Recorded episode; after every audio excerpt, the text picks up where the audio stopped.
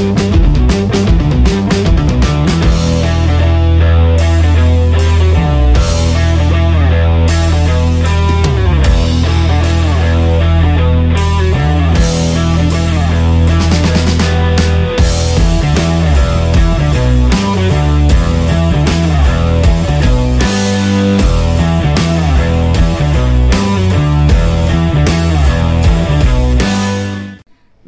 večer, dobri ljudi, dobrodošli u specijalno vanredno izlat... Ne, ovo je druga emisija.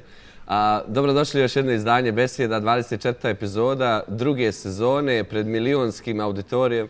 A, kolega Namir Ibrahimović. I kolega Nedim Krajišnik koji ili vjeruje da su svi ljudi dobri ili se samo obraća dobrim ljudima. Svaki put su dobri ljudi. E, svim ljudima se obraća. Dobro će na kraju pobijediti, htio ti to ili ne. A, ljudi, večera specijalno izdanje, plaćeno, sponzorsko, potpuno, opet smo sve sami platili svojih džepova, a, ali nije problem, plaćat ćemo da bez svijesti namir ima dobar, stabilan posao. A nisam tehnološki višak. A nije tehnološki višak kao neki, tanki ovi profesori. A, večeras za nas posebno emotivno, u, izvinjavam se profesore, najavit ćemo vas u drugom Vidim, dijelu. u, drugom, u drugom dijelu emisije. Zafer se kupa, nema veze. Bio nam je ambasador neki dan u emisiji. Kaže, Evo i mene. Mogu bi ja biti ambasador, ne se ja žalim. Kaže njegova savjetnica, slušam te, slušam te, slušam te, pa hoćeš li kad ti najaviti ovog čovjeka? u svakom slučaju moram da kažem zašto je, zašto je posebna. A, mi u Stepu imamo nekoliko, profesore, prstenova, je li to množina? O, jeste. Prstenova oko stepa. Ali ima jedna porodica koja je najbliža stepu već više od 20 godina. Neki su tu više od 20 godina, a neki novi ljudi su također tu. To je najuža porodica Step by Stepa. To su ovi divni ljudi koji su oko nas. To je ZIN, tim zajednice za inovativne nastavnike s kojim smo se sreli prvi put nakon godinu i po dana. Dobro mi došli.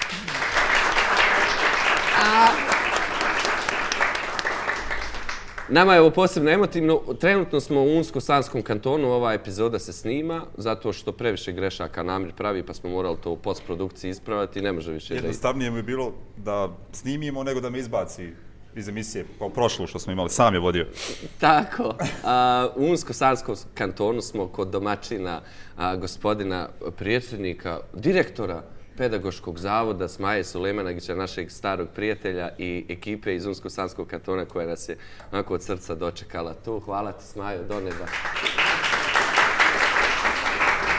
Imamo i tombolu smo večeras organizovali kad ste već tu svi. Ajde fotografisanje. Tako, bit će po... Biće posebno izlačenje. Da ja navratim za 10 minuta. Ne morate, evo sad ćemo prisati. Može, ajde. Nije lijepo doći u nečiju kuću, a nemati vrhunske domaćine koji će nas dočekati, koji će nam dati pravo stanje u, u, u suštinu obrazovanja u Unsko-Sanskom katonu, ali ne samo tu. Da je men doći do riječi u mojoj kući. Dobro večer, profesor, doktor Bernardin Ibrahim Pašić sa um, Univerziteta u Bihaću, Pedagoškog fakulteta, no to nije jedino mjesto na kojem radite. Doktor matematičkih nauka, doktorirali ste na sveučilištu u Zagrebu. Jedno vrijeme ste bili ministar obrazovanja Unsko-Sanskog kantona, tako da ovo vašu pozadinu imamo i imamo pitanje za sve što ste u životu radili. Dobro nam, u stvari, dobro vam mi došli u, u, u vaše ovo... I dobro i mi, progovorili jednom. Mogu. Dobro vas dočekao. Konačno. Dobro došli, dragi moji prijatelji, u Bihać na Unsko-Sanski kanton. Ja sam inače iz Boske Krupe, nisam ja iz Bihaća. Ja sam lokal patriota. Nadam se da ste se lijepo osjećati na Unsko-Sanskom kantonu. Meni je drago da ste mi ukazali povjerenje da se večeras ispričamo da ste mi ukazali povjerenje nakon ovih uvodnih 28 minuta da ja svoje riječi. I ovo nije rekord u uvodnim minutama, Nedim zna je 35. I... Pa onda je on zamašao. ja sam tu spreman na pitanja, spreman na pucnjeve. Ja sam zato odmah da krenemo od 92. Ta, ovaj... Dino Merlin, znači prva ide. Profesore, jedno onako da krenemo, kako mi to volimo da kažemo, s obloga. Ono lijepim temama, pa ćemo da uđemo u suštinu obraz. Obrazovanje uvijek lijepa tema. Uvijek. Osim kad nije. Um, hoćete vi nama reći ima li neki problema u obrazovanju Hoću. u Škosanskom kantonu? Hoću. Ima li neki problema? Ima. Nadao sam se nekim širim odgovorima. I ja. I ja boljim pitanjima, je. Tačno tako. Um, ajde, moćemo od nastavnika da krenemo. Um, radite na, na pedagoškom fakultetu. Nastavnici razredne nastave, nastavnici predmetne nastave. Za koje nastavnike me pitate? Idemo od razredne nastave. Samo da znam. Jes. Radite odgoj i obrazovanju sutra kadrova koji dolaze u učionicu. Kako to izgleda? Prelijepo. Opet, Mogu ja i kraće. nemojte, molim vas, dajte nam neki duži odgovor. Šta treba? Jeste sretni s tim što radite? Jesam. Jel se osjećate saučesnikom? Evo sad ozbiljno. Ma jesam, ne ozbiljno, ovako. Prvo ja moram, ja uvijek naglasim taj svog backgroundu što se tiče obrazovanja. Moja mama je učiteljica bila 41 godinu i mene je taj kruh odhranio. Ja na tom kruhu ponikao, ja na tom kruhu odrastao. E, ono kad me, kad me pitali šta ću biti, ono što sam rekao da neću biti, to je da neću nikada u prosvjetu ući. To je bio moj zavjet negdje sa tamo svojih 15-16 godina, 17, 18, pa i kad sam upisivao fakultet, upisao sam fakultet koji nije imao veze sa prosvjetom. Ja sam prvo zanimanju inženjer matematike. A onda nekako taj gen, ta, ta krv koja je bila u meni je povukla me u prosvjetu. E, ušao u prosvjetu, ostao u prosvjeti, bit ću u prosvjeti i nikad se pokajat neću. Ali jel se sjećate šta je bilo s tih 15 godina kad ste rekli se zakleli da nešto u prosvjetu? Šta ste vi to vidjeli unutar prosvjete da, da ste izbjegli? Hoćete da kažem šta sam vidio fizički ili psihički? Što god. Fizički. Vidio sam pripreme po cijeli dan, vidio sam kontrolne po cijeli dan, e, vidio sam sređivanje dnevnika, e, vidio sam isčitavanje literature, a psihički sam vidio proživljavanje svakog djeteta u razredu. E, svake porodice sam vidio proživljavanje u tom razredu. E, sve ono što ove sad škole, seminari, webinari propagiraju, ja sam to prolazio u svojoj kući, posmatrajući mamu kako to radi. Možda me je to zadojilo tom ljubavlju prema prosvjetu. Ja zaista to volim. Mislim, što Nedim kaže malo duži odgovor. Mogu ja sad uzeti riječ da, ono, da završimo bez pitanja? Ja volim to. Ali je zanimljivo, dakle, iako ste u tom trenutku rekli nećete, na kraju, nakon nekog vremena, ste se vratili, dakle, ono što je bila u tom trenutku mržnja, prelazilo je ljubav, dakle, nešto što je... A nije to bila mržnja, niti sam ja donio odluku da hoću. Aha. Jednostavno, moralo je. krenulo tako. Jednostavno, ono, šeitan sletio na rame i odvukao tamo. Uvukao me u razred, nikome, ne znam šta bi trebalo da se desi da mi izvuče iz I razreda. učinio dobro djelo. Uh, ja sam, po mene da ja mis, ja se Da. nadam i po okolinu kojoj, Da, da. koja stoji s druge strane mene. E, Kakvi su, o, novi, dakle, studente obrazujete, ali oni prolaze već obrazovni sistem, dio obrazovnog sistema dođu, jesu li to, ovaj, koji, kako ste opisali sebe, dakle, da biste, ne znam, da volite da radite, dakle, jesu li to budući a, nastavnici koji će zaista, koji su tu zato što to žele i koji će prenijeti tu svoju želju u, u, u učionice? Ja se nadam da jesu. E, pokušavam sebe postaviti u situaciju da im prenesem tu ljubav prema toj profesiji. E, u jednoj emisiji, ne mogu se sjetiti na kojoj televiziji je gostovala pokojna Rada i ja joj zaista odajem počast što se tiče obrazovanja i truda u obrazovanju. E, je naglasila jedan problem za, za buduće, a i sadašnje radnike u obrazovanju, ali uglavnom za buduće radnike u obrazovanju, to je opće poznato, a to je e, nizak status radnika iz obrazovanja u društvu. Kako finansijski, tako i, ma ne mogu reći da mi nemamo ugled u društvu, ali kompleksno, ne, ne znam sam šta bi rekao. Dakle, da je i ovaj čitav on, odnos društva prema ljudima koji rade unutar samog obrazovanja nije zadovoljavajući i zapravo da je to neka, neko zanimanje, neka funkcija koja ni na koji način ne daje priznanje onima koji rade ovo mukotrpno, kako ste opisivali vašu majku, i koji troše svoje vrijeme ono, Mislim na, da nismo dovoljno cijenjeni u društvu. to je. Nedi me, gdje pitaj nešto? Evo, pokušavam da, da, ako vam postavim pitanje, vi ćete mi opet kratko odgovoriti, namjeru odgovarate na dugo i na široko. Šta si zapisao? A, Ajde, pročitaj. Šta je pročitaj, šta sam zapisao? Ne, htio sam na genezu problema u Unsko-Savskom kantonu, ali nadoći ćemo na to.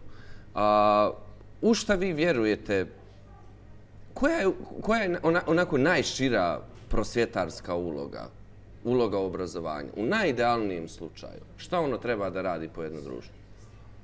E, Da kažem ono što mislim ili ono što biste htjeli da odgovorim. A ono što mislite, to nas posebno interesuje. Šta ćemo sa pedagozima? Kako će reagovati na moj odgovor? Pa ne znam, ako Hoćemo su... školovati za tržište rada ili za... Odlično.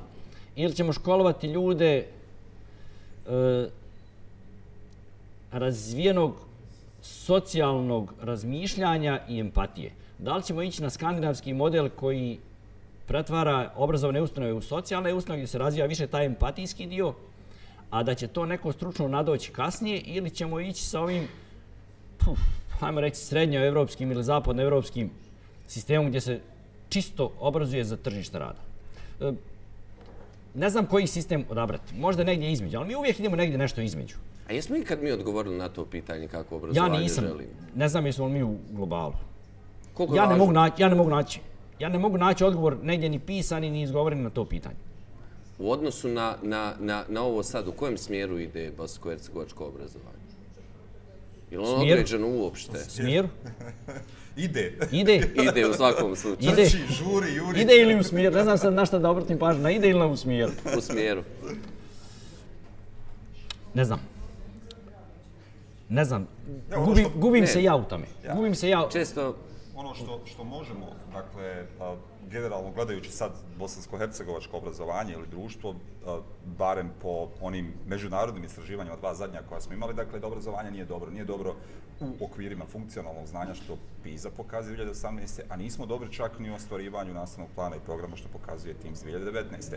Dakle, ni jedan, ni drugi segment, bez obzira da li mi naglašavali neke druge stvari, da li se držali onoga što ne je propisano, mi očigledno ne radimo generalno dobro različito u pojedinim dijelovima, pa recimo evo, u, u, što se tiče rezultata same PIZE, uh, djeca koja su radila, koja su učestvovala u istraživanju PIZA 18 iz Usko-Savskog kantona i Srednjobosanskog kantona, su zapravo čak uh, imali loše rezultate i od lošeg prosjeka koji ovaj, dolazi u BiH. Uh, e, dugo ste ovdje, poznajete situaciju, evo Nedim je u uvodu naveo čitav niz vaših funkcija koje su bile tu, dakle, možete li reći neke od uzroka koji su dovele do tog stanja? Što mislite, šta je, šta je dovelo do toga? Opet ono što mislite, naravno. Ovo se snima, neće niko gledati.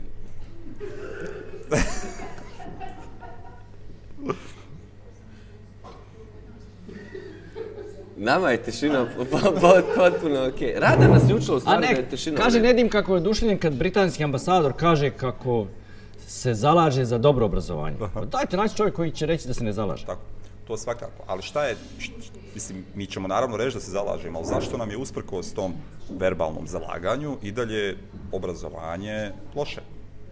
Rezultati loše. Ajmo jedno kontra pitanje. Mhm. Kako reagujete na kineske proizvode? Na kinesku robu? Zavisi. Kao i svaku drugu. A ne vjerujem da je baš kao ni svako drugo. Gdje su plasirane na, na PISA istraživanja? Djeca iz Kine. Visoko, je li tako? različite regije koje E, učestvuju u e, tome, dakle ne Kina kao država, da, imaju različite regije, posebno ovaj je- razvijeni dio na, na istočnoj obali. ja. To je ono, kinezi imaju nuklearni program. Je. Slijeću na Mars. A mi se libimo kineske robe. Da, dakle, zato što sam To je ono. E, to je ono što mi uvijek tražimo kopiju nečega. Mi idemo, gledamo finski obrazovni sistem pa hoćemo da njega kopiramo. Pa gledamo nešto pa hoćemo da njega da kopiramo. Pa gledamo neke pa hoćemo da, da od njih odbijemo. Mi se non stop tražimo. Ja- zaista ne mogu reći da imam neki pametan i suvisa odgovor na to pitanje zašto je to tako. E, svi mi tu griješimo. Ima nas. Ima naše u svemu tome. Nije to samo do djece. Nije to samo do samih edukatora. Najmanje do ono što mi nazivamo sistemom. Mi uvijek govorimo kako nam sistem ne valja. Ama mi smo dio tog sistema.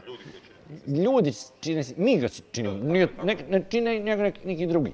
Ne čini njega političar. Ne ide političar sa mnom u razred. Ja držim nastavu u razredu. Ja sebe dajem. Očito da ja sebe pogrešno dajem. Očito da tu nešto ima. Mogu li se popraviti? Ama mogu. Kako? Ne znam. Ne znam. Ima, ima ljudi koji se i daju više u razredu, ali opet globalno, dakle, dijete mm, ne dođe do potrebnog željenog rezultata koji imaju, recimo, vršnjaci u Kini, između ostalog, ili ne znam, u drugim dijelovima, drugim dijelovima svijeta koji uspijevaju da, da, da iz djeteta izvuku ono, sve ove segmente o kojima ste govorili. E, sad se tu postavljaju dva pitanja. Da li ja ne znam reći šta hoću od djeteta, mm -hmm. ili ja ne znam to izvući od djeteta? Aha, da, da, da. da. To su. Ali opet se vraćamo na, na, na ona... Opet se vraćamo na mene. Princip, ja, ja sam taj. nastavnika, dakle, da je ključ.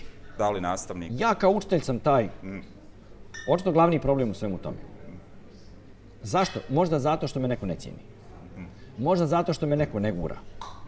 Ne gura me financijski. Ne gura me e, društvenom podrškom. Ne gura Potrebnim me... materijalima za rad unutar...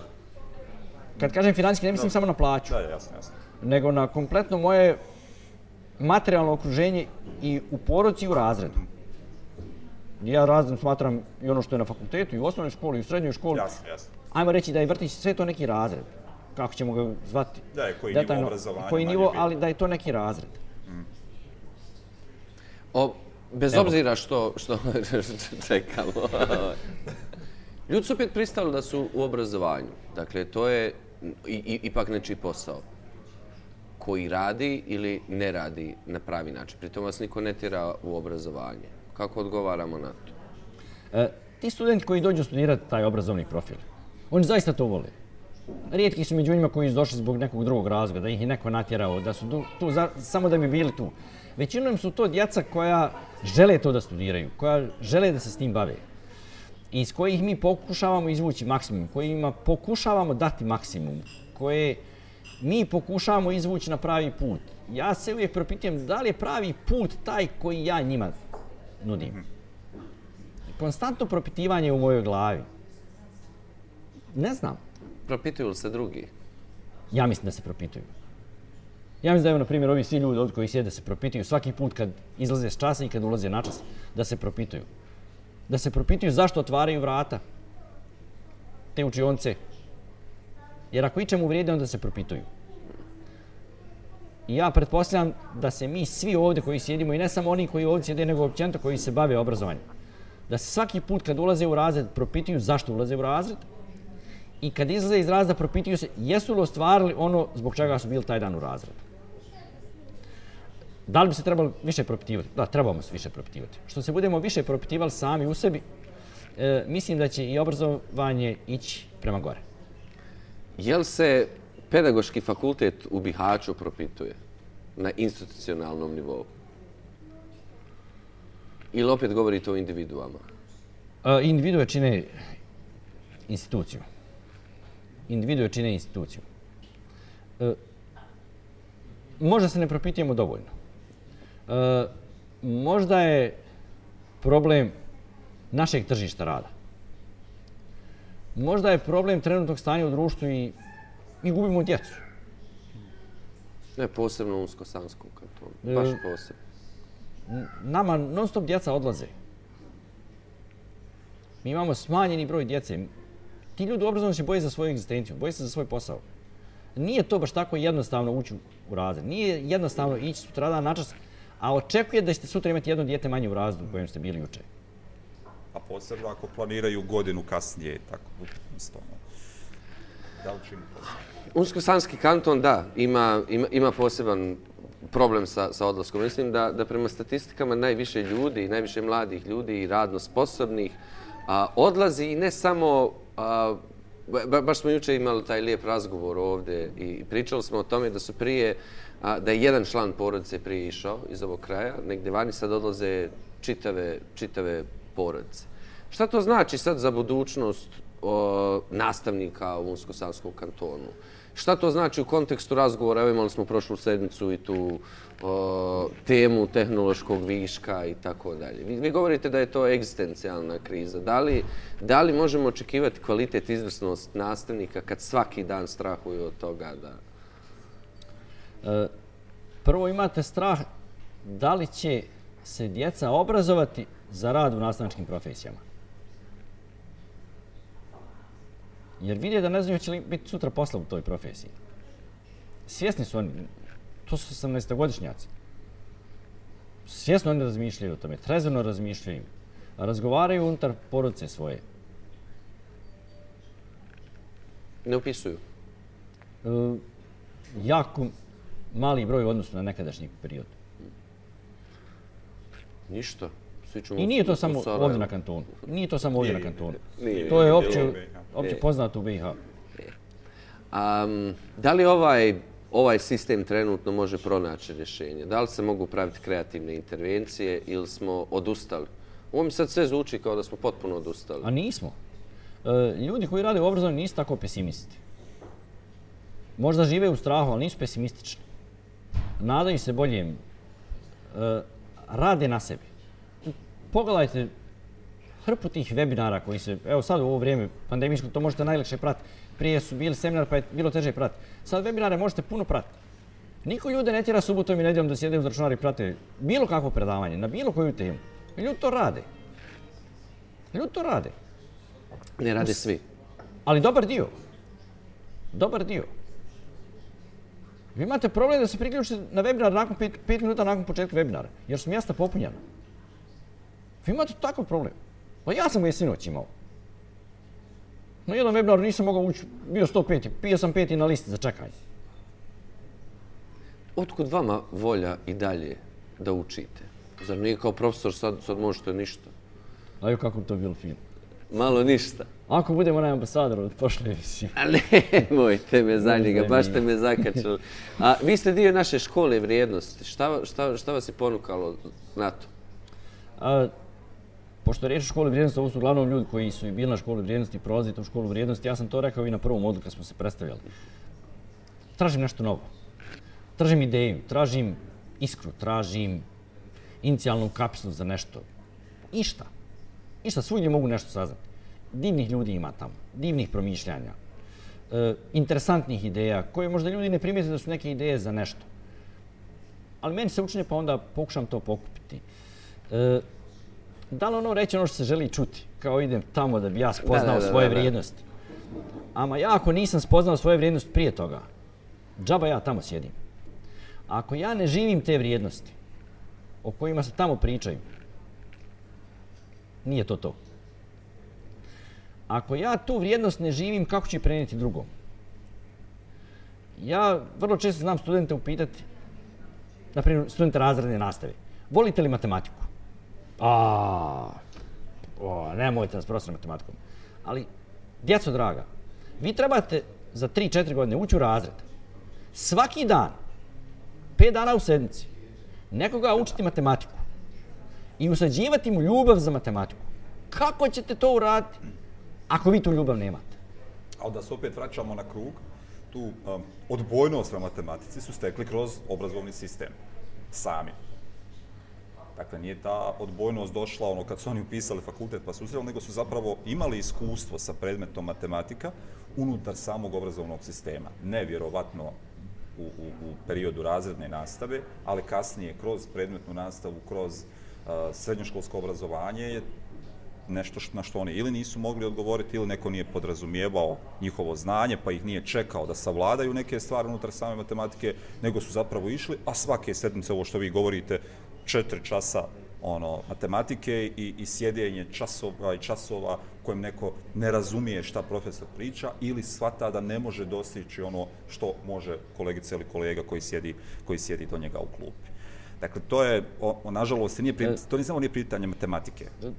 Opće pitanje u obrazovanju. Da, dakle, to je opće, ono, gdje prekinuti taj krug? To je ono što... što, E, što... Da li napraviti reformu i očekivati da ćemo s njom riješiti sve? Ne, ne. A da li ipak napraviti reformu? Da. Obavezno. Dakle, konc- koncept je, dakle, ali ono što mi uvijek i i ranije pitao, dakle, gdje krenuti, dakle, koji je krug koji će to raditi, dakle, je li to inicijalno obrazovanje, je li to a, nove generacije koje će u nekom od ovih nivoa obrazovanja doživjeti drugačiji oblik nastave nekog od predmeta i onda kasnije studirajući doći neko kaže, a da vi pitate, volite, pa kažu, da, volimo matematiku.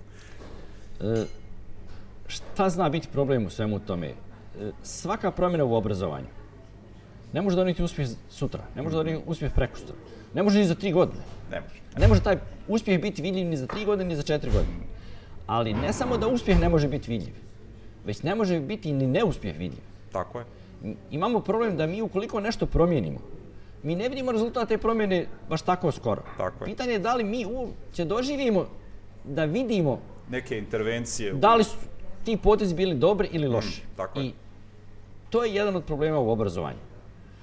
To je ta, nije to sistemska tromost, nego je to Kompleksnost. Da. kompleksnost To je i, kompleksnost. Samo zbog same stvari. i dugotrajan proces. Je. To je dugotrajan proces. Je, je, stvar, stvar koja zapravo ide. E sad, ono što je pitanje, malo prije ste govorili zaista o, ono, o stvarima, o nastavnicima koji su kao pojedinci odgovorni za ono što se radi tu i govorili ste o svim a, mogućim nedostacima koje nastavnik ima od plaće preko ono uvjeta za rad u kojima stoji do priznanja u društvu. E sad, ono što mene zanima, može li se to promijeniti? Dakle, nastavnici žive unutar nekog društva, jesu li nastavnici ti koji trebaju da definiraju to što žele pa da s tim izađu ili smo zapravo mi kao drugi članovi društva tu da pomognemo njima. Odnosno, da vas pitam ono u smislu, evo imali ste i, i, i to iskustvo a, da budete dio izvršne vlasti. Dakle, je li nužno politika mjesto u kojem se to mijenja i može li se kroz ovakvu politiku u BiH promijeniti i status obrazovanja, odnosno i status samih nastavnika koji su po svim istraživanjima ključ bilo kakve ozbiljne, ka, bilo kakve ozbiljne promjene unutar samog obrazovnog sistema. Promjena bez politike nema. Znači, to mora biti sinergija. Ne politika u onom prljavom smislu riječi politika, Dnevno nego, politička, ono, nego politika sistemska mora biti uključena u sve to. Ljudi iz obrazovanja moraju biti uključeni u politiku, Politiku, mhm. ali na, na način da zastupaju interese obrazovanja u politici. A ne da zastupaju interese politike u obrazovanju. Kako? Pojma nemam. Je fenomenalno. Pojma nemam. Stvarno pojma nemam. S kojom, s kojom ste vi idejom došli u, u, u ministarstvo na tu poziciju? Kako ste imali očekivanja? Takva koja va, očekivanja koja imate vas dvojice sada. Od čega? Da to sve može ići kako treba. Je li on to bio, je, je li vas razuvjer, je, čim ste otišli, razuvjerili su vas? E, osjetite nemoć. E, ja vrlo često u razgovorima znam da se kao žao mi je onoga na onom mjestu u izvršnoj vlasti. Meni nije žao. To je osoba koja svaki dan, kad dođe ujutro na posao, može uzeti papir A4 formata, napisati da neće više to da radi, da potpiše i da se vrati u svoj krug. Slobodan izbor svaki ima. Svako jutro to može uraditi. Čak više može i poslije podne, poslije posle, po ujutru sam predat na protokol. I ne vratite se više. Pa da. Ići svojim se poslom baviti. Da li sad reći kao ono, treba mijenjati iznutra, ma treba mijenjati iznutra, ali treba mijenjati izvana. Nije to baš tako jednostavno za uraditi ni iznutra, ni izvana. Kako vratiti vrijednost obrazovanja tamo u društva gdje, gdje, gdje toga već odavno nema? A vrati porodicu za jedan sto za ručak. Znači, da ručamo svi skupa u kući.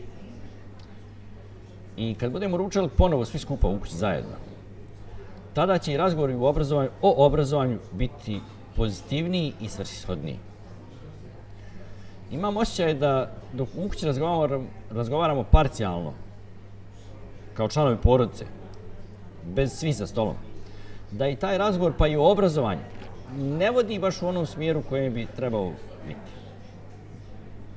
Ja bih volio da je ručak zajednički, ne samo nedjeljni, da su svi ručci u čitavoj sedmici zajednički i da, će, da bi tada stanje i u obrazovanju bilo puno bolje. To je fenomenalna perspektiva. Ajde stvarno da se, da, da, da pokušamo da... Šta je tipično, šta je sui generis kategorija za Unsko-Sanski kanton? Trenutno ili općenito? Ajmo reći ovako, imamo, jesto čudno, ali ovaj smanjeni broj djece, ukoliko bi politika pod navodnim znacima podržala kroz pedagoške standarde taj manji broj djece u učionici, da bi to moglo uroditi plodom za bolje rezultate obrazovnog procesa. Jer se vraćamo na ono što, što mi propagiramo. Da se smanji broj djece u razredu, u odjeljenju, da bismo bolje radili. Kvalitet Sad interakcije. imamo to, ali uvijek se bojimo tog mača da ćemo izgubiti i to što imamo. Da ćemo sutra izgubiti radno mjesto jer nemamo 30 učenika u razredu. Kad bi se taj pritisak nad prosvjetnim radnicima sklonuo, da se ne boje za svoju sutrašnju egzistenciju, mislim da to krenulo puno bolje i brže naprijed. Ima jedno pitanje koje je baš tipično za, za, za, za, za Unsko-Sanski kanton. Um, pitanje škola koje imaju sad mali broj učenika i tako dalje. Um, Svjetska banka s jedne strane kaže da, da imamo jedan od najskupljih sistema i mahom zbog, zbog škola koji imaju mali broj učenika. Ja sam uvijek imao romantičnu ideju da je škola posljednje mjesto koje se zatvara, jer on, ona je meni neki simbol života, simbola, simbol nade koji može opet nešto da pokrene. A onda ima i ova druga perspektiva koja kaže nema tu kvaliteta. Da li ići u smjeru ukrupnjavanja tih škola, zatvaranja nekih, ali da idemo u smjeru kvaliteta?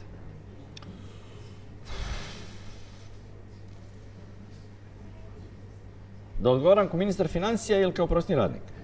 A, hajde kao ministar financija, Ma zatvori sve, bol. zatvori se. Ma daj, zatvori sve, sve na jednu školu, jed- jedna smjena, skrati čas i da idemo naprijed. A šta kaže prosvjetni radnik u vama? E, standardna ona rečenica, zašto volan ljudi non stop gledaju obrazovanje kao potrošača? Zašto jedino ljudi iz obrazovanja e, govore da obrazovanje ne može biti potrošač? Kad će se promijeniti svijest i koncepcija ljudi van obrazovanja? Da ne govore da je obrazovanje potrošač. Da ne gledaju to samo kroz novac. Da ne množe broj učenika, ne dijeli broj učenika sa brojem odjeljenja po pedagoškim standardima puta broj časova, puta cijena časa i da se na taj način valorizira. Nisu, nisu to veliki novci. Nema puno, ne bi se desilo puno ušteda kad bi se ovaj rez napravio. Znači, financijski ušteda, ne vjerujem da bi nešto puno bilo. A imali bi ogromne gubitke e, po sigurnost, ne mislim na vojnu sigurnost, po sigurnost države u, u ekonomskom smislu, u demografskom smislu, u svim tim pozitivnim smislovima koji Ja, ali ti svi segmenti, bez obzira na, na a, to što obstoji kao takav sistem, polako i smanjuju broj djece, otežavaju i finansiranje većeg broja institucija, dakle, bez obzira na bilo koju stvar. Ima li vizije, prilike, ono, ili ćemo čekat nuždu da kažemo u redu, idemo reorganizirati stvari, reći ljudima šta, kako, kuda, gdje, gdje ćemo ohrabriti ih, objasniti da bilo kakva promjena neće voditi ka, ne znam, masovnim otpuštanjima, otkazima, ali će voditi ka kvaliteti obrazovanja. Samo da organiziramo finansiranje bolje, da ne budu niti niske plaće, da ne budu neredovne plaće, da zapravo to bude, između ostalog ono o čemu vi govorite, egzistencijalna sigurnost, a s druge strane da imamo ovo sad, ne govori prosvetni radnik, govori stanovnik ono, društva, kaže da dobije i kvalitet obrazovanja. Dakle, da ja dijete pošaljem u školu zato što će dijete dobiti kvalitetno obrazovanje, bez obzira iz kog socioekonomskog nivoa dolazim ja kao otac, tako da će to biti jednako obrazovanje za sve. Toga sada nema iz više razloga. I tako, da li je moguće taj, da, da li je moguće imati tu vrstu obrazovne politike, evo sada ne bude politika obrazovanja, nego obrazovna politika koja će uspjeti ono ljudima prenijeti nadu o kojoj vi govorite svima, ne sad samo ni prosvjetnim radnicima, ni ministru financija, niti ekonomistima, nego svim stanovnicima, u ovom slučaju Unsko-Sanskog kantona, a, a bilo koji dio BiH. A mogu li kontra pitanjem odgovoriti? Obavezno. U, u koliko, koliko mene informacija dolazi, Namir je direktor osnovne škole, jel? Tako je. Kakav je pogled direktora škole na to pitanje? Vrlo jednostavan, isto kao i bilo kog drugog stanovnika. Da, dakle, nužno se mora, pa i u školi u kojoj ja radim, ili bilo gdje drugdje, dakle, da se nužno po, poštuju postavljeni standardi i po kvalitetu nastave koje stoje, a i s ove drugog nivoa, a, normativa u kojoj se tačno zna šta zapravo jeste A okvir posla. Kako odgovarate na pitanje ovih iznad koji daju novce? U kom smislu? Dakle, O, u kom smislu? Zašto toliko novaca košta taj ta, ta vaša škola? Zato što odgovara Može li to manje? Može li to nekako manje da košta? Možemo li manje novca dati vam, a da ipak ostane isto? Ne, dakle ostaje Takvih novac pitanja koji, nema. Ne, ostaje novac koji jeste, dakle, po standardima koji je postavljen, vrlo jasno propisan novac koji ide i koji dolazi tu. Ali također postoji drugi nivo škola u kojima je to preplaćeno. Dakle, u nivou, nismo u istoj poziciji, a kad govorimo o svojoj školi kad govorimo o školi koja je u blizini, razlika je ogromna, u smislu čak i broja zaposlenih u funkcijama koji idu i u budžetima. Pa škola koja ima manje učenika, recimo, ima veći budžet nego škola koju sam ja direktor. Kako? Zato što su ljudi koji su zatečeni tamo da rade, ostaju da rade.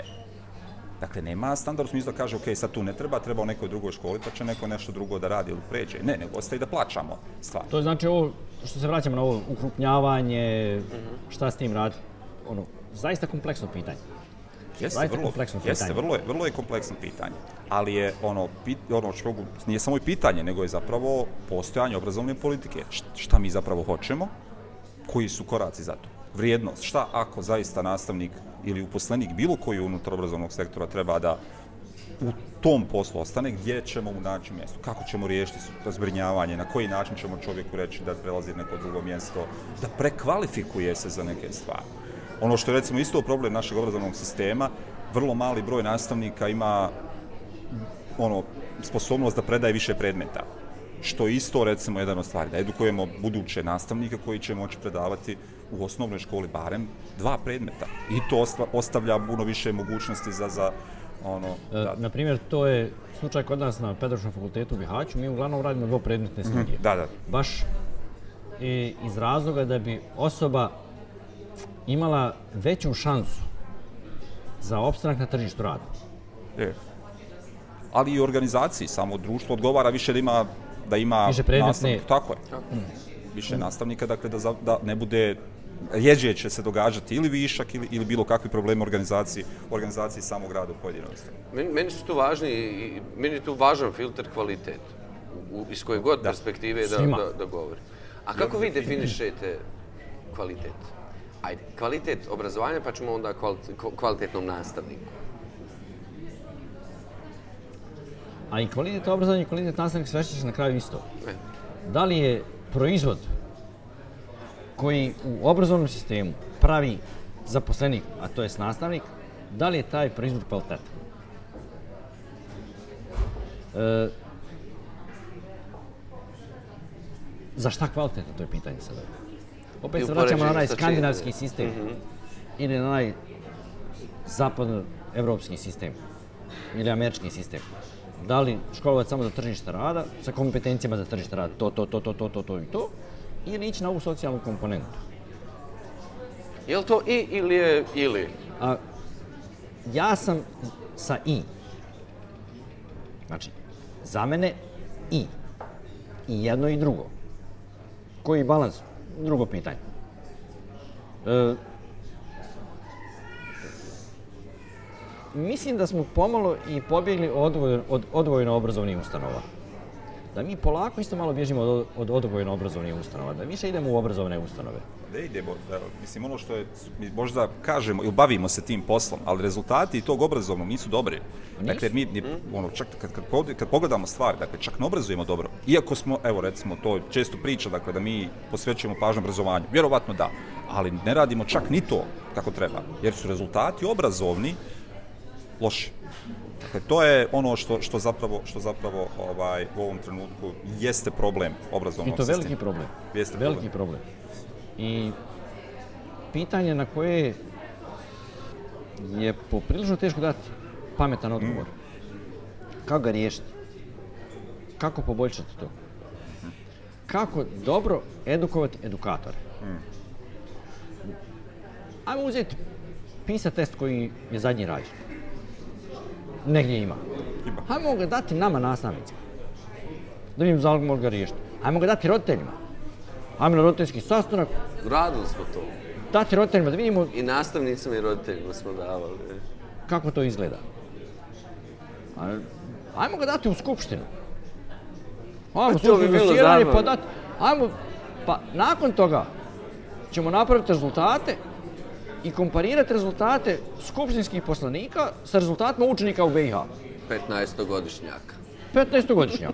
Pa da vidimo, da stavimo, da vidimo gdje je taj grafikon. Ono je volan poslije 3. decembra oplili po obrazovanju, po, po djeci, po nastavnicima, po sistemu. Pa znamo li mi riješiti taj test? Tako je. Gdje je to? Šta je problem? Ovdje suštinski ono gdje je uzrok stvari, gdje se ono, barem pomeri gdje se treba, dakle jeste šta vodi ka tome da se taj test riješi dobro. Dakle, koje smo mi korake propustili učiniti da bismo osigurali našim 15-godišnjacima, a indirektno i skupštinskim zastupnicima, sadašnjim ili budućim koji dolaze, da su sposobni da funkcionalno primijene znanje.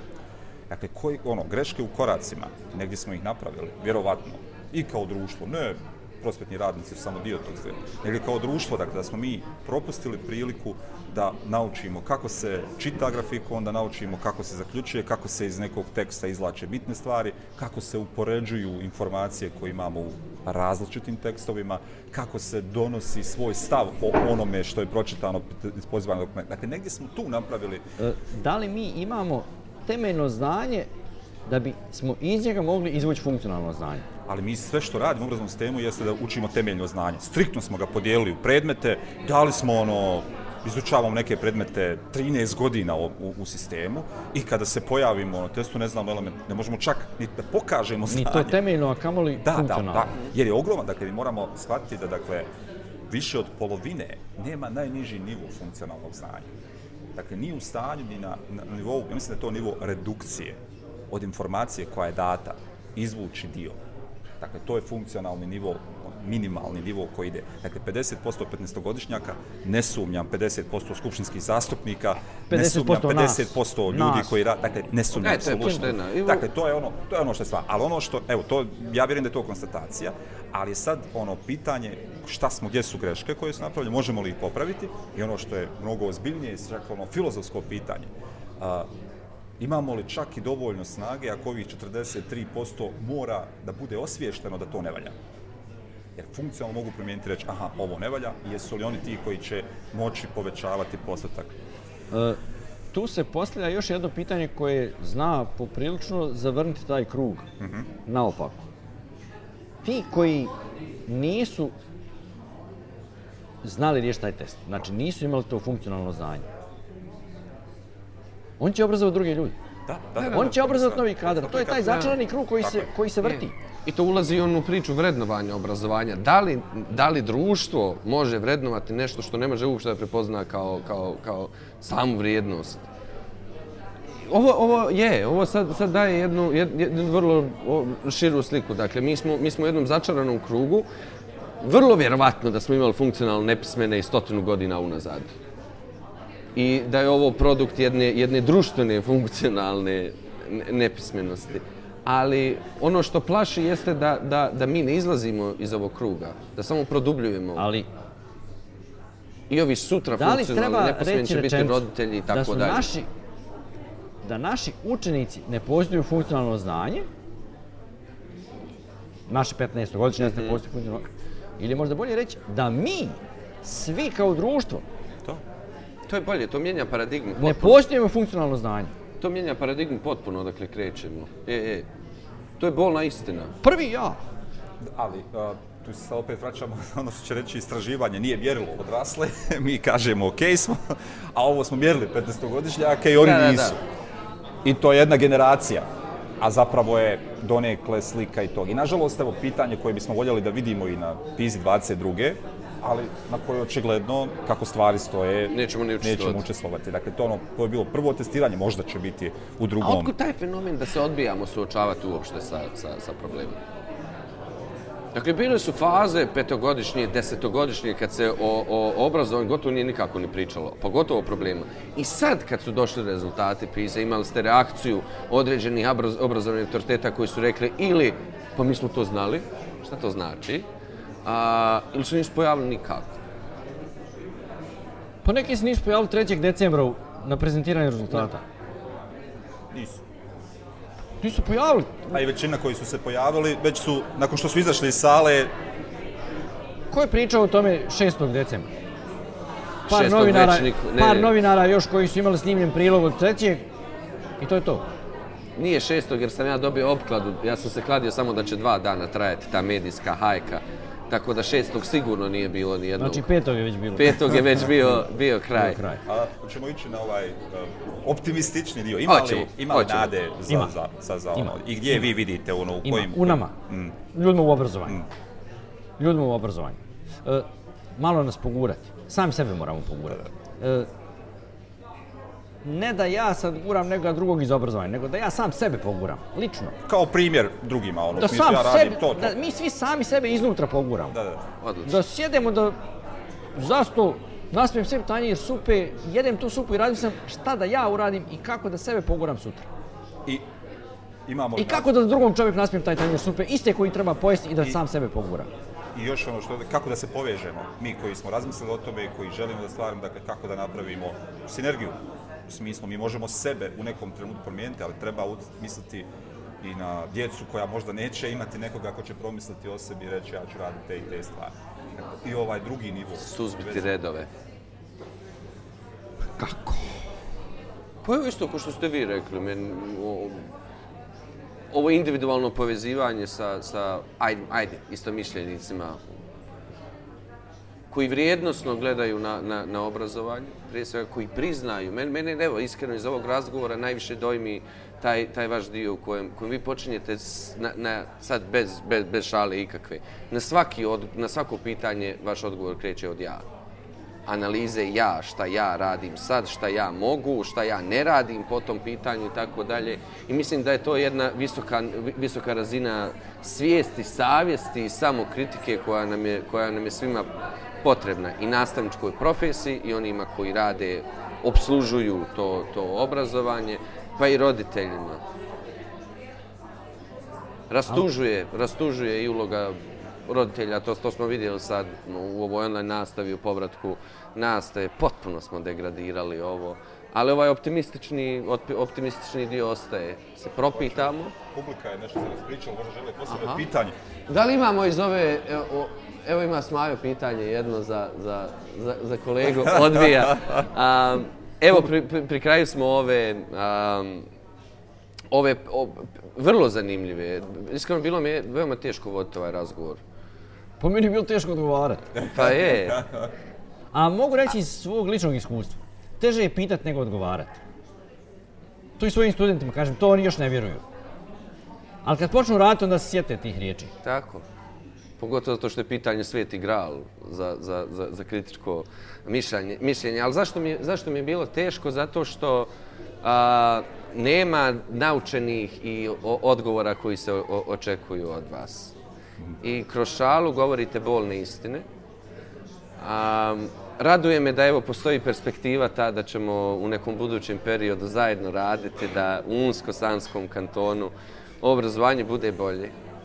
Šta smatrate da su ispravni koraci prije nego što se uopšte krene u, u, u, u neku priču o promjeni obrazovanja, pravljenju boljeg obrazovanja, da ne kažem tu famoznu ispucanu riječ reforme? E, ono što si malo prije rekao u neformalnom razgovoru. Biti brutalno iskren prema samom sebi. Nakon toga biti brutalno iskren prema svima oko sebe. Prihvati istinu e, kakva god bila da bila. Ali prihvat mi moramo. Znači, svako od nas mora prihvati tu istinu i zaista živjeti vrijednost iskrenosti koju propagiramo i kroz školu vrijednost kad se pogala kad se pogala više grupa ta iskrenost je skoro u svim grupama bila pod broj jedan od odabranih vrijednosti koje u većini grupa je bilo uglavnom iskrenost kao najodabranija vrijednost u onom modulu gdje se radi to smo mi ili tako nešto. I sad se postavlja pitanje, mm, ako želimo biti iskreni, ako uviđamo kao posljedicu tamo onoga analize te vrijednosti, kao posljedicu da imamo problema u komunikaciji sa okolinom zbog svoje iskrenosti, Da li ta okolina ima problem kad su iskreni prema nama? Da li oni imaju problem s nama? Da li mi živimo tu vrijednost i u jednom i u drugom smjeru? da, da. E to je ono. Mislim da bi tu iskrenost trebalo živjeti i u jednom i u drugom smjeru na pozitivan način. Čuti istinu nije lako. Jedna žena A, na čuti početku... istinu nije lako, ali daj da prenući pa ćemo vidjeti je li to zaista tako. A, Rosa Luxemburg je negdje početka 20. vijeka rekla onu stvar u kojoj zapravo parafraza, ali sve ono o čemu vi govorite, najrevolucionarniji čin je vidjeti svijet onakvim kakvim on jeste. To je revolucija. ali valja znati kakav, šta jeste, kakav je to svijet i to objasniti. Ali je u onome tragu o čemu vi govorite. To je brutalno iskrenost. Ono, A jasno. totalno iskrenost ono, ja kažem, svako mišljenje treba iznijeti. Na pristojan način. S argumentima. Hoće li se dobiti po glavi? Hoće. Hoće li uvijek? Neće. Hoće li to se pokazati na kraju kao dobro? Hoće. Možda neće sad, možda neće sutra, možda neće prekšta, ali će se to pokazati, ono što bi se reklo, na duge staze to se pokaže kao pozitivno. I taj bol u glavi prođe. Ali ako je ta istina argumentirana i iznesena na pristojan i kulturan način, iće društvo naprijed. Ne boj se. Hvala vam Ovo je za bio gostovanje i za je, priču. vrlo, vrlo zanimljiv razgovor. Jedva čekam sad da reflektujem na, na, na njega. To mi je... A, I ne može na, ostati na ovom. Vidimo se mi... E, ovaj na- razgovor. Na još jednom razgovoru. Ovaj razgovor, kad se pusti u, u javnost, jedan dio ljudi će pozitivno reagovati na njega, jedan dio će negativno reagovati na njega.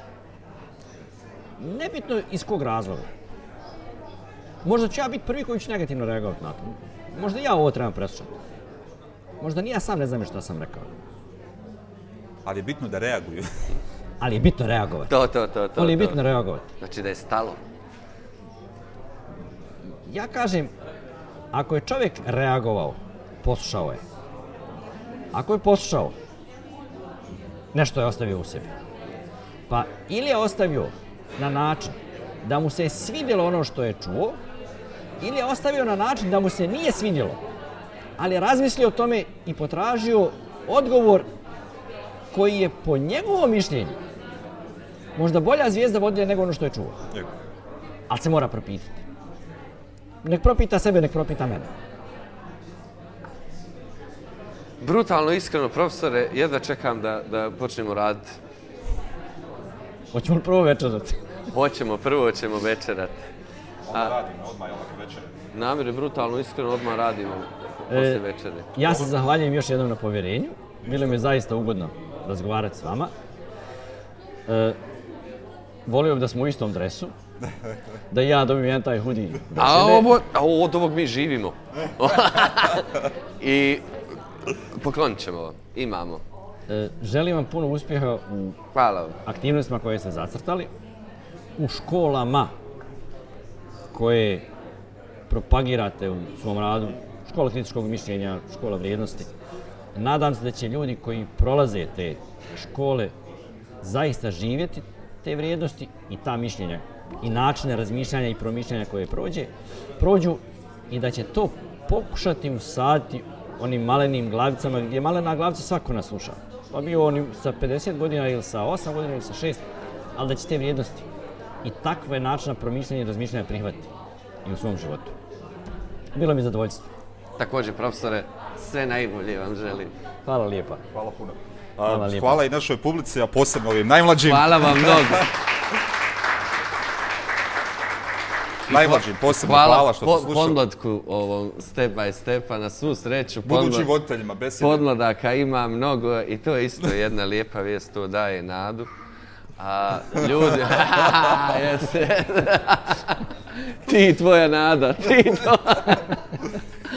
Mirno spavajte. Drugari, vanredna je situacija u potpunosti. Dakle, YouTube nam je poslao mail da će nas ukinuti i besjede i step by step i reformu obrazovanja, sve ako ne, Evo, molim vas. Evo, samo sada.